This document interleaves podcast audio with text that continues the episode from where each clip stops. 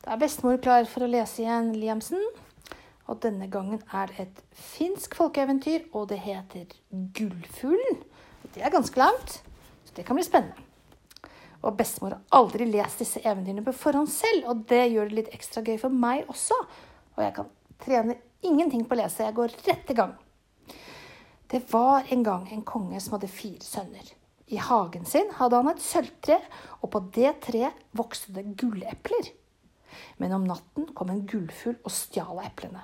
Den eldste sønnen ville gå ut og holde vakt. Han passet på hele natten, men så ingenting. Den andre broren ville også gå vakt, men heller ikke han så noen ting. Så gikk den yngste til faren og sa, Far, la meg prøve. Faren ville, ville først ikke la ham gå fordi han var så ung, men til slutt så ga han seg. Gutten tok med seg en kniv og et spann vann. Med kniven skar han seg en stokk av sølvtreet, og vannet skvettet han i fjeset når han ville sovne. Hele natten altså, for, at han ikke skulle sovne, da, så, så tok han også skvettet vann. Det hørtes litt sånn rart ut. Det hørtes ut som han liksom skulle ha vann i fjeset for å sove, men det var for ikke å sove. Hele natten passet han på treet, og utpå morgensiden kom virkelig fuglen. Men da han skulle fange den, fikk han bare tak i en fjær, men den skinte til gjengjeld som den klareste flamme.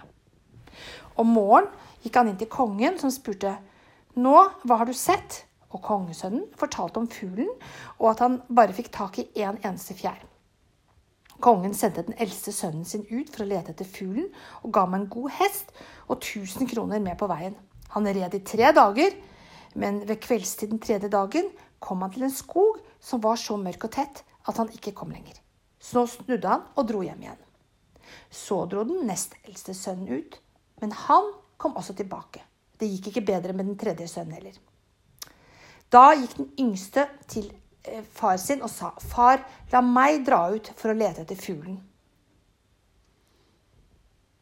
'Jeg vil ta med meg fjæra som kjennetegn.' Faren ga ham en hest og så mye penger som hesten kunne bære. Så rek, rek gutten til det ikke var noen vei lenger. Da kom han til en stor skog, og den red han gjennom. Midt imellom tigrer og løver red han, og kom til slutt ut på en bred landevei der det sto tre veivisere Det var ganske skummelt, da. Og Liam, at, han, at det er tigre og løver i skogen, det hadde jeg syntes var veldig skummelt. Og det hadde kanskje ikke du, fordi du har jo en liten hund. Og da er kanskje ikke du redd for tigre og løver heller. Men det sto i hvert fall tre veivisere, da. På det første så sto det Går du denne veien, blir du og hesten ett opp, altså spist opp. På den andre sto det Du blir spist opp, men hesten beholder livet. Og på det tredje sto det Hesten din blir spist opp under deg, men du beholder livet. Gutten tenkte seg om i tre dager, og til slutt gikk han den tredje veien. Han hadde ikke gått langt før en løve styrtet fram, og hesten ble spist under ham. Gutten gråt i tre dager. Men løven kom bort til ham og sa, 'Sett deg opp på ryggen min.' Gutten satte seg på løveryggen, han, og løven sprang tre mil i ett strekk med ham. Da løven hadde båret ham i tre dager, spurte han gutten, 'Hvor skal du egentlig?' Kongesønnen sa han skulle til Gullfuglen, og så sprang løven tre dager til med gutten på ryggen. Om en stund kom de til et fjell, og løven sprang oppover fjellsiden med gutten. Der oppe var det en hekk av store epletrær. På hekken hang et prektig bur av gull, og i buret satt fuglen. Ta fuglen, sa løven, men rør ikke buret. Men eh, da gutten skulle ta fuglen, syntes han buret var så gildt at han ikke kunne bare seg. altså Han klarte ikke å la være, da. Men han tok med det også. Da kom vakten med stokker og spyd og fanget gutten. Og de lot ham ikke slippe igjen før han hadde lovet å hente en gullfakset hest i neste kongerike. Gutten løp til løven og fortalte hva som hadde hendt ham. Løven ble sint og skjente dyktig på gutten. Så satte gutten seg på løveryggen igjen, og av sted bar det til det neste kongeriket. De gikk til kongens dal, og der sto hesten med gullfakse. Og løven sa, ta hesten, men rør ikke bislet. Bislet det er det som liksom den har i munnen og sånn lær og sånn, sånn som du har når du ser en hest da, som er ute og rir. Men um, var hesten vakker, så var bislet enda vakrere, og gutten orker ikke å ta hesten uten å ta bislet med. Men han kastet bislet over hodet på hesten, klirret det, og så ble han grepet igjen. Du skal få hesten på én betingelse, sa de, hvis du vil ri til neste kongerike og hente den aller vakreste piken, den deilige Marina. Ja, så dro de til det neste kongeriket og stanset først da de sto under kongens vinduer. Der var det en stor hage. Løven gikk inn i hagen og gjemte seg under et epletre. Der sto den og ventet på Marina. Da hun kom ned i hagen, tok den henne på ryggen og løp sin vei, og gutten satte seg bak henne. Men det var tre av kongens menn som fulgte etter ham. Løven la øret til, jordet, til jorden for å høre om de ble forfulgt, og den hørte at de jaget etter dem slik at jorden ristet.